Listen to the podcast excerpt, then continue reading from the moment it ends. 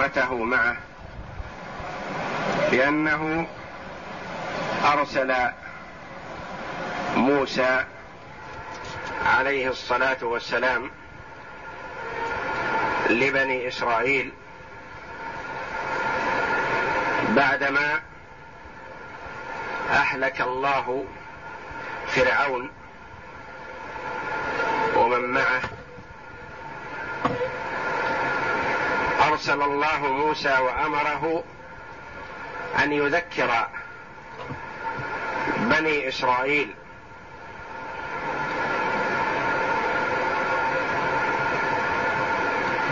مذكرا لهم بنعمة الله. ومحذرا لهم من نقمة الله. مذكرا لهم بالنعم التي أنعم الله بها على بني إسرائيل. ومحذرا لهم إن خالفوا موسى فإنه سيحل بهم كما حل بالأمم قبلهم. ولقد أرسلنا موسى بآياتنا بالآيات الدالة على صدقه عليه الصلاة والسلام والدالة على قدرة الله جل وعلا والدالة على وحدانيته سبحانه وتعالى وأنه المستحق للعبادة وحده لا شريك له وهي الآيات التسع التي جعلها جل وعلا مع موسى دالة على صدقه وهي الطوفان والجراد والقمل والضفادع والدم والأخذ بالسنين واليد, واليد والعصا وفلق البحر. أن أخرج قومك من الظلمات إلى النور. أخرج قومك من الظلمات. ظلمات الكفر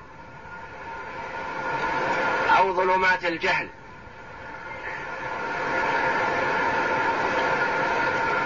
ظلمات الكفر والضلال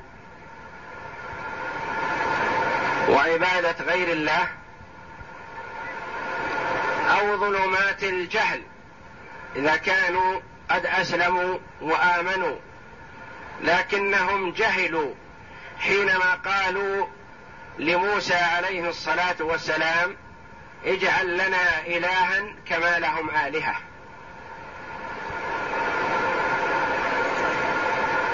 فهم بعدما عبروا البحر وأنجاهم الله جل وعلا من فرعون وقومه ومروا بأناس يعبدون الأصنام ويسمونها آلهة قالوا اجعل لنا إلها كما لهم آلهة. أن أخرج قومك من الظلمات إلى النور نور العلم. والإيمان والبصيرة وذلك بأن يعبد المسلم ربه على بينة من أمره. الذي يعبد الله على هدي الكتاب والسنة هو على نور وعلى بصيرة وعلى يقين. وعلى اطمئنان قلب ورضا بالله. بخلاف من لم يكن عنده علم فهو يتشكك في عمله. لا يدري أهو صواب أم خلاف ذلك. ولهذا أمر المسلم بأن يتعلم أمر دينه. أن يتعلم أمر دينه ليعبد الله على بصيرة وليعرف الحق فيسلكه ويعرف الباطل فيجتنبه.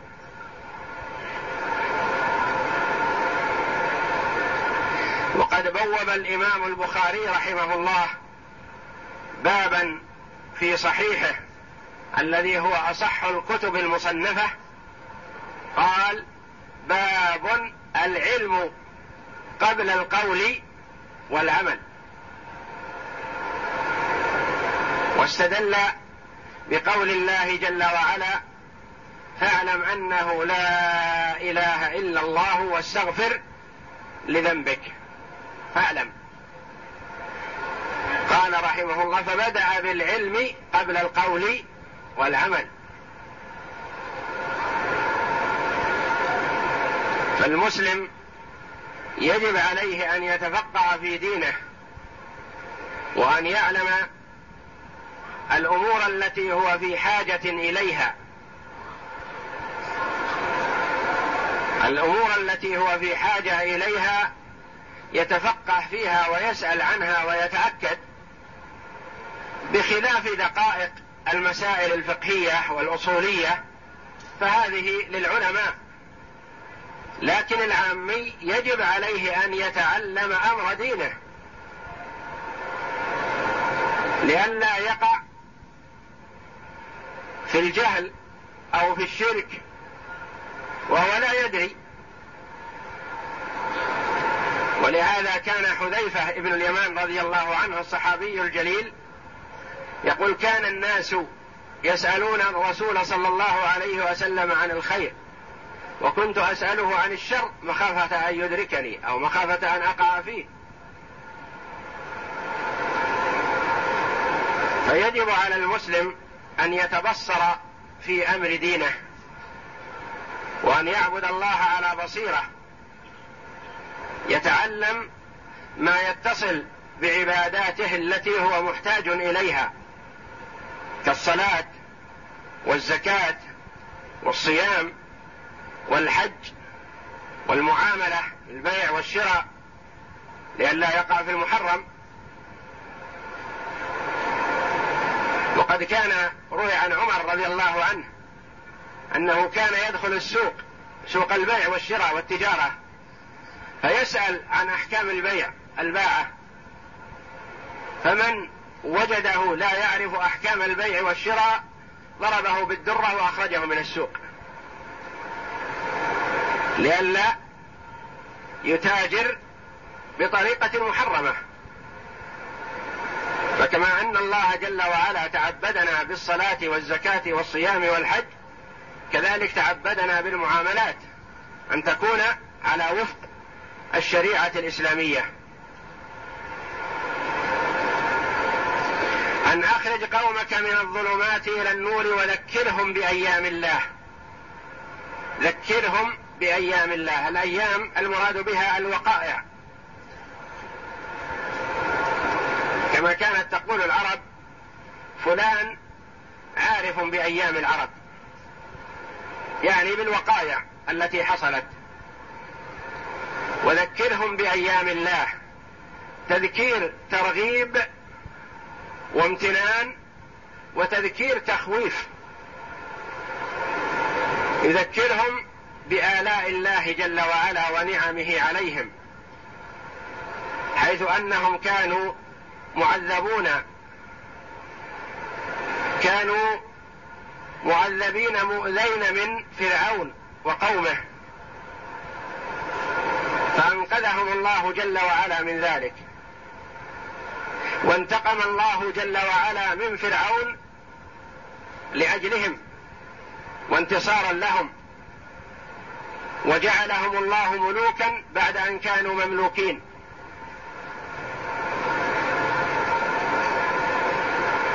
وأعطاهم من الخيرات الشيء الكثير. ويذكرهم بما حل بالأمم قبلهم التي كذبت رسلها. انتقم الله جل وعلا لرسله فأهلك الكافرين. المعاندين الظالمين.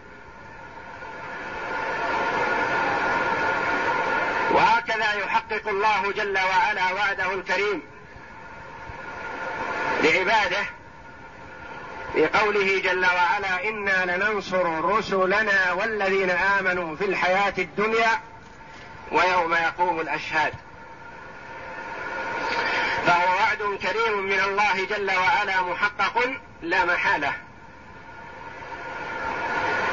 وذكرهم بأيام الله. إن في ذلك لآيات. الذكرى والعظة والإخبار بالوقائع التي حصلت سواء كانت لهم خيرا أو كانت لعدوهم شرا وانتقاما هذه آيات عظيمة. إن في ذلك لآيات دلالات على قدرة الله جل وعلا وعلى وحدانيته سبحانه وعلى استحقاقه للعبادة دون ما سواه وعلى أنه هو النافع الضار. لآيات لكل صبار شكور. صبار كثير الصبر صيغة مبالغة. والله جل وعلا وعد على الصبر الشيء الكثير. والصبر على طاعة الله. والصبر عن معصية الله. والصبر على أقدار الله المؤلمة. وهذه الأنواع الثلاثة تجتمع في الصيام. ولهذا قال الله جل وعلا في الحديث القدسي كل عمل ابن آدم له يقول الله إلا الصيام فإنه لي وأنا أجزي به. ويقول جل وعلا إنما يوفى الصابرون أجرهم بغير حساب. ففي الصيام الصبر على طاعة الله. وفي الصبر وفي الصيام الصبر عن معصية الله. وفي الصيام الصبر على أقدار الله المؤلمة الجوع والعطش والامتناع عن الملذات المفطرة. إن في ذلك لآيات لكل صبار شكور. يشكر الله جل وعلا. شكور صيغه مبالغة. من شاكر أي هو كثير الشكر كثير الصبر. وقدم الصبر على الشكر لأنه هو الغالب. الغالب أن يكون الصبر أولا يبتلى العبد ثم يصبر. فينعم الله عليه جل وعلا فيشكر. وفي الحديث نعم العبد عبدا إذا ابتلي صبر وإذا أعطي شكر أو كما قال صلى الله عليه وسلم. وقال عليه الصلاة والسلام عجبا لأمر المؤمن إن أمره كله له خير. إن أصابته ضرا فصبر كان خيرا له وإن أصابته سرا فشكر كان خيرا له. فهما غالبا الشكر والصبر يتبع يتتابعان أو يتبع الشكر الصبر لأنه يكون الصبر اولا ثم الشكر بأمر الله. يشكر العبد ربه. اولا يبتلى فيصبر ثم ينعم جل وعلا فيشكر. إن في ذلك لآيات لكل صبار شكور. قيل المراد بكل صبار شكور المؤمن لأنه هو المتصف بهذه الصفة.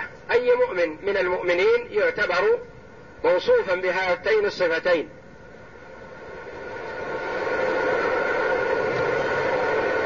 فالمؤمن هذه صفته.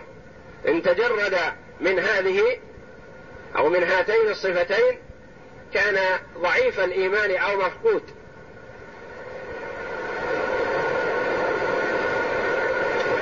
وفيهما حث على التمكن من الصبر والشكر. فالعبد يبتلى ببعض المصائب بالأمراض الاوجاع بالفقر بفقد عضو من أعضائه بفقد حاسة من حواسه. فيصبر يصبر على البلوى وكلما كان المؤمن أقوى إيمانا يكون صبره أكثر وأمكن. وكما قال عليه الصلاة والسلام أشد الناس بلاء الأنبياء ثم الأمثل فالأمثل. يبتلى المرء على قدر دينه فإن كان في دينه صلابة زيد له. فالمؤمن يصبر على ما يصيبه من الله جل وعلا ويحتسب الثواب فيضاعف الله جل وعلا له الأجر والثواب ثم يجزل له النعم. فإذا أعطي بعد الابتلاء أعطي نعما شكرها وقام بحقها واستعان بها على طاعة مسديها وموليها جل وعلا. صرفها في مرضاة الله. وهكذا المؤمن يستعين بكل ما عنده وبكل ما أوتي على طاعة على طاعة الله ومرضاته وما يقربه من ربه. فيكون صابرا على البلاء شاكرا على النعماء. وما من مؤمن إلا وقد يبتلى ببعض الأمور. وما من مؤمن إلا وهو متفضل عليه بنعم كثيرة. فيصبر في حالة البلاء ولا يشكو الخالق جل وعلا على خلقه وإنما يصبر ويتحمل. ولا ينافي الصبر طلب العلاج وإنما التشكي والتضجر وإظهار البؤس والشقاء أو الدعاء على نفسه بالويل والثبور هذا ليس من صفة المؤمنين. فالمؤمن كثير الصبر. وفي حالة النعماء كثير الحمد والشكر لله جل وعلا. يعترف بأن جميع النعم التي هو متلبس بها هي من الله جل وعلا فيستعين بها على طاعته ومرضاته. يقول جل وعلا وإذ قال موسى لقومه اذكروا نعمة الله عليكم إذ أنجاكم من آل فرعون يسومونكم سوء العذاب ويذبحون أبناءكم ويستحيون نساءكم وفي ذلكم بلاء من ربكم عظيم. وإذ تأذن ربكم لئن شكرتم لأزيدنكم ولئن كفرتم إن عذابي لشديد. وقال موسى إن تكفروا أنتم ومن في الأرض جميعا فإن الله لغني حميد. يخبر جل وعلا أن موسى عليه السلام لما أرسله إلى قومه يأمرهم ويذكرهم بأيام الله قال لهم وإذ قال موسى لقومه اذكروا نعمة الله عليكم. فعند دعوة المرء إلى توحيد الله وطاعته تذكره بما هو فيه من الصحة والأمان. والغنى. وما هو متلبس به من الخيرات ليقبل وتعرفه بنعم الله جل وعلا عليه. لأنه أقرب لقبوله بإذن الله. وإذ قال موسى لقومه اذكروا نعمة الله عليكم. اذكروا نعمة الله عليكم. تذكروا النعمة التي أنعم الله جل وعلا بها عليكم. فاحمدوه عليها واشكروه عليها واجتهدوا في عبادته. ثم بين ذلك فقال إذ أنجاكم من آل فرعون. أنجاكم لأن بني إسرائيل كانوا مستعبدين لفرعون وقومه فهم بمثابة الخدم المملوكين الأذلة. ولما أرسل الله جل وعلا موسى عليه الصلاة والسلام ومعه أخوه هارون إلى فرعون وملئه وإلى بني إسرائيل واتبع بنو إسرائيل موسى عليه الصلاة والسلام وكانوا يتضجرون ويشتكون من اضطهادهم من فرعون وقومه فيأمرهم موسى عليه الصلاة والسلام بالصبر والتحمل في ذات الله وأن الله ناصرهم وقد حقق الله جل وعلا ما وعدهم به على لسان موسى وهارون عليهما الصلاة والسلام. إذ أنجاكم من آل فرعون يسومونكم سوء العذاب. يعني يعذبونكم بشتى أنواع العذاب المؤلمة.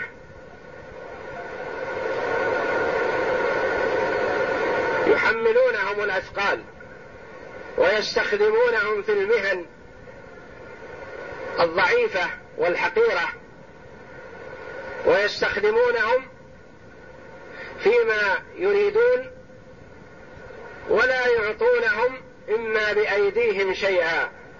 يستخدمونهم ولا يكرمونهم. يسومونكم سوء العذاب ويذبحون أبناءكم. وقال في سورة البقرة يسومونكم سوء العذاب يذبحون أبناءكم ويستحيون نساءكم. يسومونكم سوء العذاب يذبحون أبناءكم. تفسير وبيان للسوم هذا سوء العذاب. وهنا أتى بالواو العطف ذاك في سورة البقرة على أنه كالتفسير لما قبله. يسومونكم سوء العذاب. ما هو هذا السوم سوء العذاب؟ قال يذبحون أبناءكم ويستحيون نساءكم. وهنا قال جل وعلا يسومونكم سوء العذاب ويذبحون أبناءكم. يسومونكم سوء العذاب جميع أنواع العذاب يعذبونكم بها ويؤذونكم بها. وزيادة على ذلك أمر آخر كأنه ليس من نوع العذاب السابق وإنما هو شيء جديد. وشيء لم يعذب به من قبلكم وشيء غير مقبول التعذيب فيه ولا يفعله من في قلبه أدنى أو مثقال ذرة من رقة أو رحمة.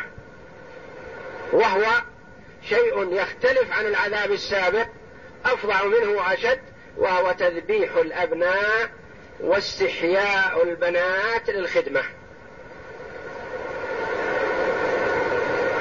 فلا أشد من أن يذبح الولد بين يدي أبيه وهو لا يملك حولا ولا قوة ولا يقول شيئا.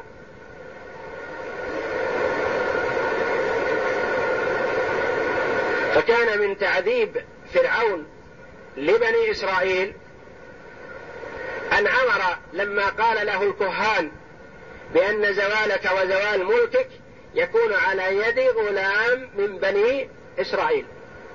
الذي هو موسى عليه الصلاة والسلام. فأمر فرعون اللعين بكل ولد لبني إسرائيل ذكر أن يقتل في الحال. وضع الجواسيس على البيوت أي مولود يولد لبني إسرائيل يسارع أعوان فرعون إلى قتله. وإذا كانت بنت أبقوها واستحيوها من أجل تبقى حية لأجل الخدمة.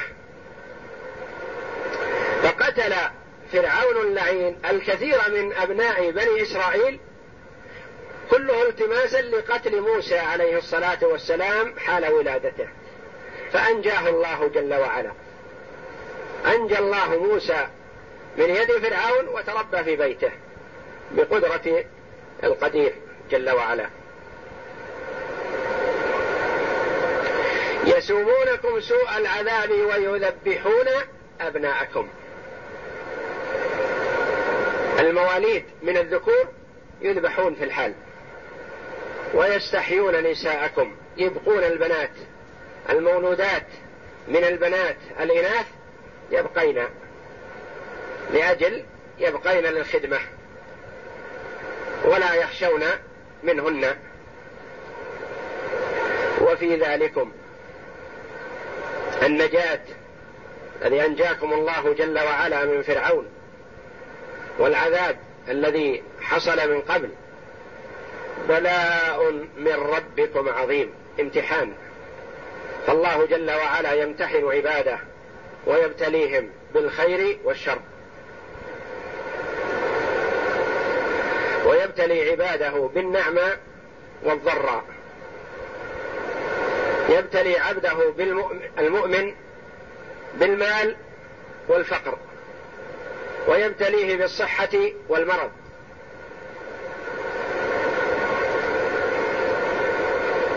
ويبتليه بالجاه والسمعة والإذلال والإحتقار.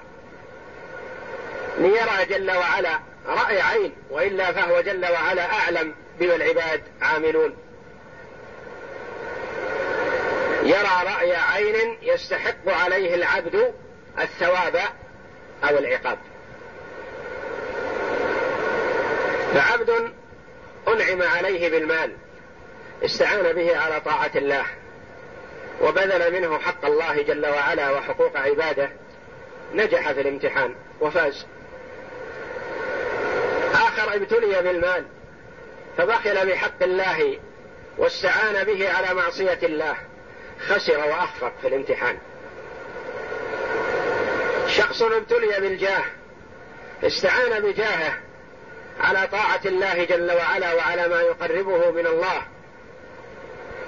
وبذل جاهه في نصرة إخوانه المؤمنين ومساعدتهم والذب عنهم. ومناصرة الحق وأهله والوقوف في وجه الباطل وأهله. نجح في الامتحان بإذن الله. ابتلي بالجاه فوقف في وجه الدعوة الإسلامية وحارب المؤمنين وآذاهم وأعان الظالمين والمشركين والكافرين. أخفق والعياذ بالله في هذا الامتحان. حبب وشجع أفعال الظالمين ونصرهم على أقوالهم. أخفق في هذا الامتحان. وخسر دنياه وآخرته. فالله جل وعلا يبتلي عباده بالخير والشر يبتليهم بالعطاء والمنع. ابتلى عبده بالفقر فصبر واحتسب وتكفف واستغنى بما أعطاه الله وان قل اكتفى به ولم يظهر الجزع ولم يلح في السؤال ولم يؤذي الأغنياء وإنما تكفف واقتصر على ما عنده واستغنى بالله جل وعلا وصبر فالله جل وعلا يأجره ويثيبه. ابتلاه في البقر فأخذ يتسخط على قضاء الله وقدره وأخذ يظهر الشكاية على كل من لقي ويلح في السؤال ويؤذي المؤمنين. خسر والعياذ بالله في هذا الامتحان. امتحن فرسب وخسر. كذلك سائر النعم والبلايا الصحة يستعين بها على طاعة الله فينفع وينجح في امتحانه يستعين بها على معصية الله والعياذ بالله فيخفق في هذا الامتحان وهكذا. وفي ذلكم بلاء من ربكم عظيم امتحان من ربكم يمتحنكم. فارجعوا إلى الله يقول موسى عليه الصلاة والسلام لقومه وتوبوا إليه واستغفروه مما حصل منكم.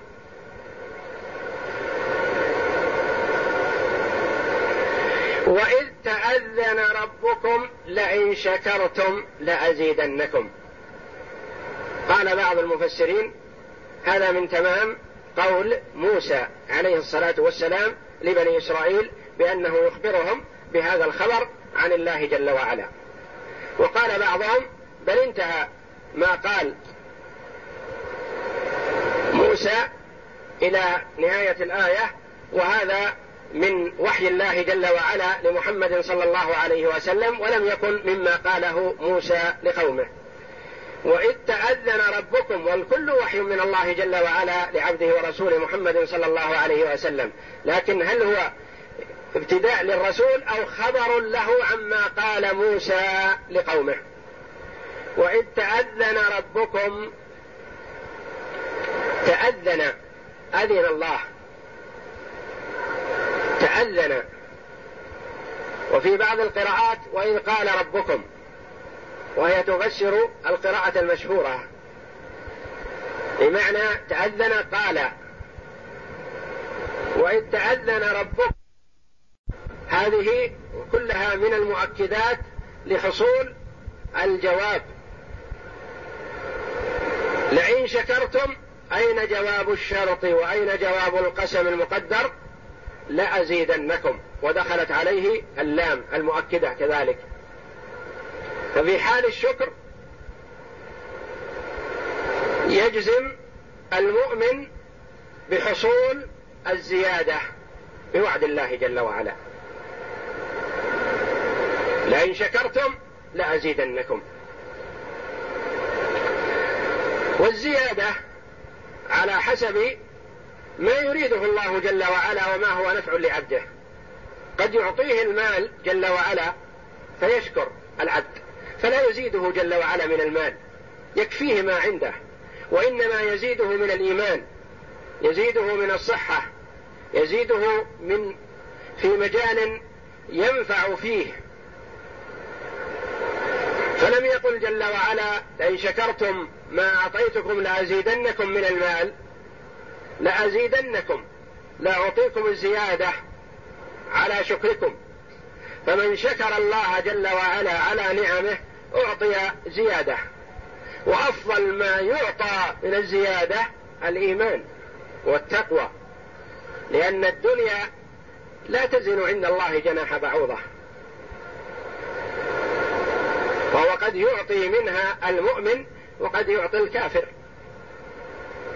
ولو كانت الدنيا تزن عند الله جناح بعوضة ما سقى الكافر منها شربة ماء كما ورد. فهذا وعد كريم من الله جل وعلا بأنه من شكر سيزيده. والشكر يكون باستعمال النعمة. في مرضاة الله جل وعلا وفي التحدث بها والثناء على مسديها وموليها ولا يجحد نعمة ربه عليه. يكون ذا مال فيقول أنا مسكين فقير ليس عندي شيء يكفي. يشكر نعمة الله جل وعلا. يكون ذا صحة وعافية. يقول أنا مريض أنا مبتلى. فيجحد نعمة الله عليه. يشكر الله جل وعلا ويستعين بنعمته سبحانه على طاعته. ثم توعد من كفر نعمته جل وعلا. ولئن كفرتم إن عذابي لشديد. وكما تقدم اللام موطئة للقسم وإن الشرطيه والجواب جواب للشرط والقسم معا في قوله إن عذابي لشديد. والمراد هنا الكفر والله أعلم كفر النعمة لأنه تقدم شكر النعمة وهذا كفر النعمة وهذا الكفر لا يخرج من الملة كفر النعمة وإنما قد يستحق صاحبه العذاب إن عذبه ربه جل وعلا. ولئن كفرتم إن عذابي لشديد.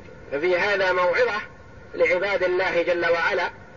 من أنعم الله عليه بنعمة أن يستعين بها على طاعة الله وأن يخشى عليه أن يخشى الاستعانة بها على معصية الله فيخفق ويكون كافرا لنعمة الله جل وعلا فيستحق العذاب.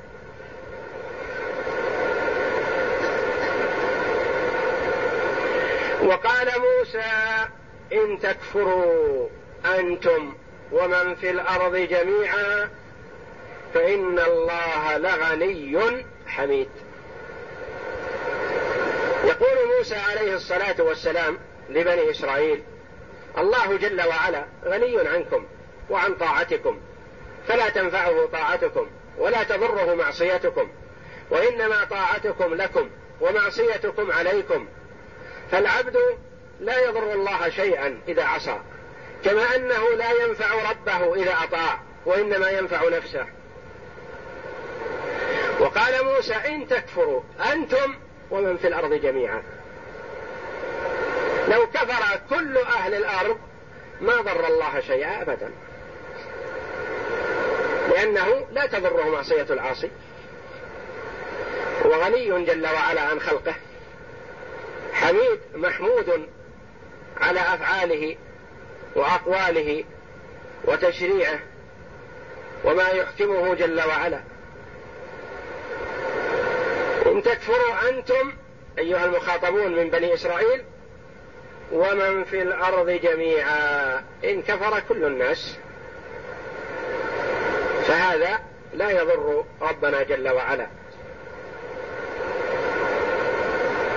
فإن الله لغني عن طاعتكم وعن أعمالكم وغني عنكم غني عن خلقه جل وعلا والخلق هم الفقراء إليه. وهو المستغني جل وعلا. لغني حميد فهو مستحق للحمد وهو المحمود. يحمده كل خلقه. يحمده كل خلقه. منهم من يحمده طوعا ومنهم من يحمده رغم أنفه.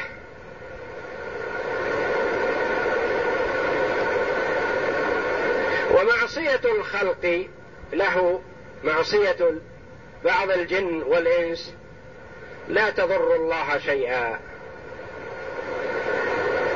فهو محمود لدى جميع خلقه وكلف الجن والإنس بعبادته فمن عبد الله جل وعلا فلنفسه يرجع نفع العبادة ومن عصى الله جل وعلا فضرر المعصية يعود على نفسه. وكما ثبت في الحديث القدسي لو أن أولكم وآخركم وإنسكم وجنكم كانوا على أتقى قلب رجل واحد منكم ما زاد ذلك في ملكي شيئا.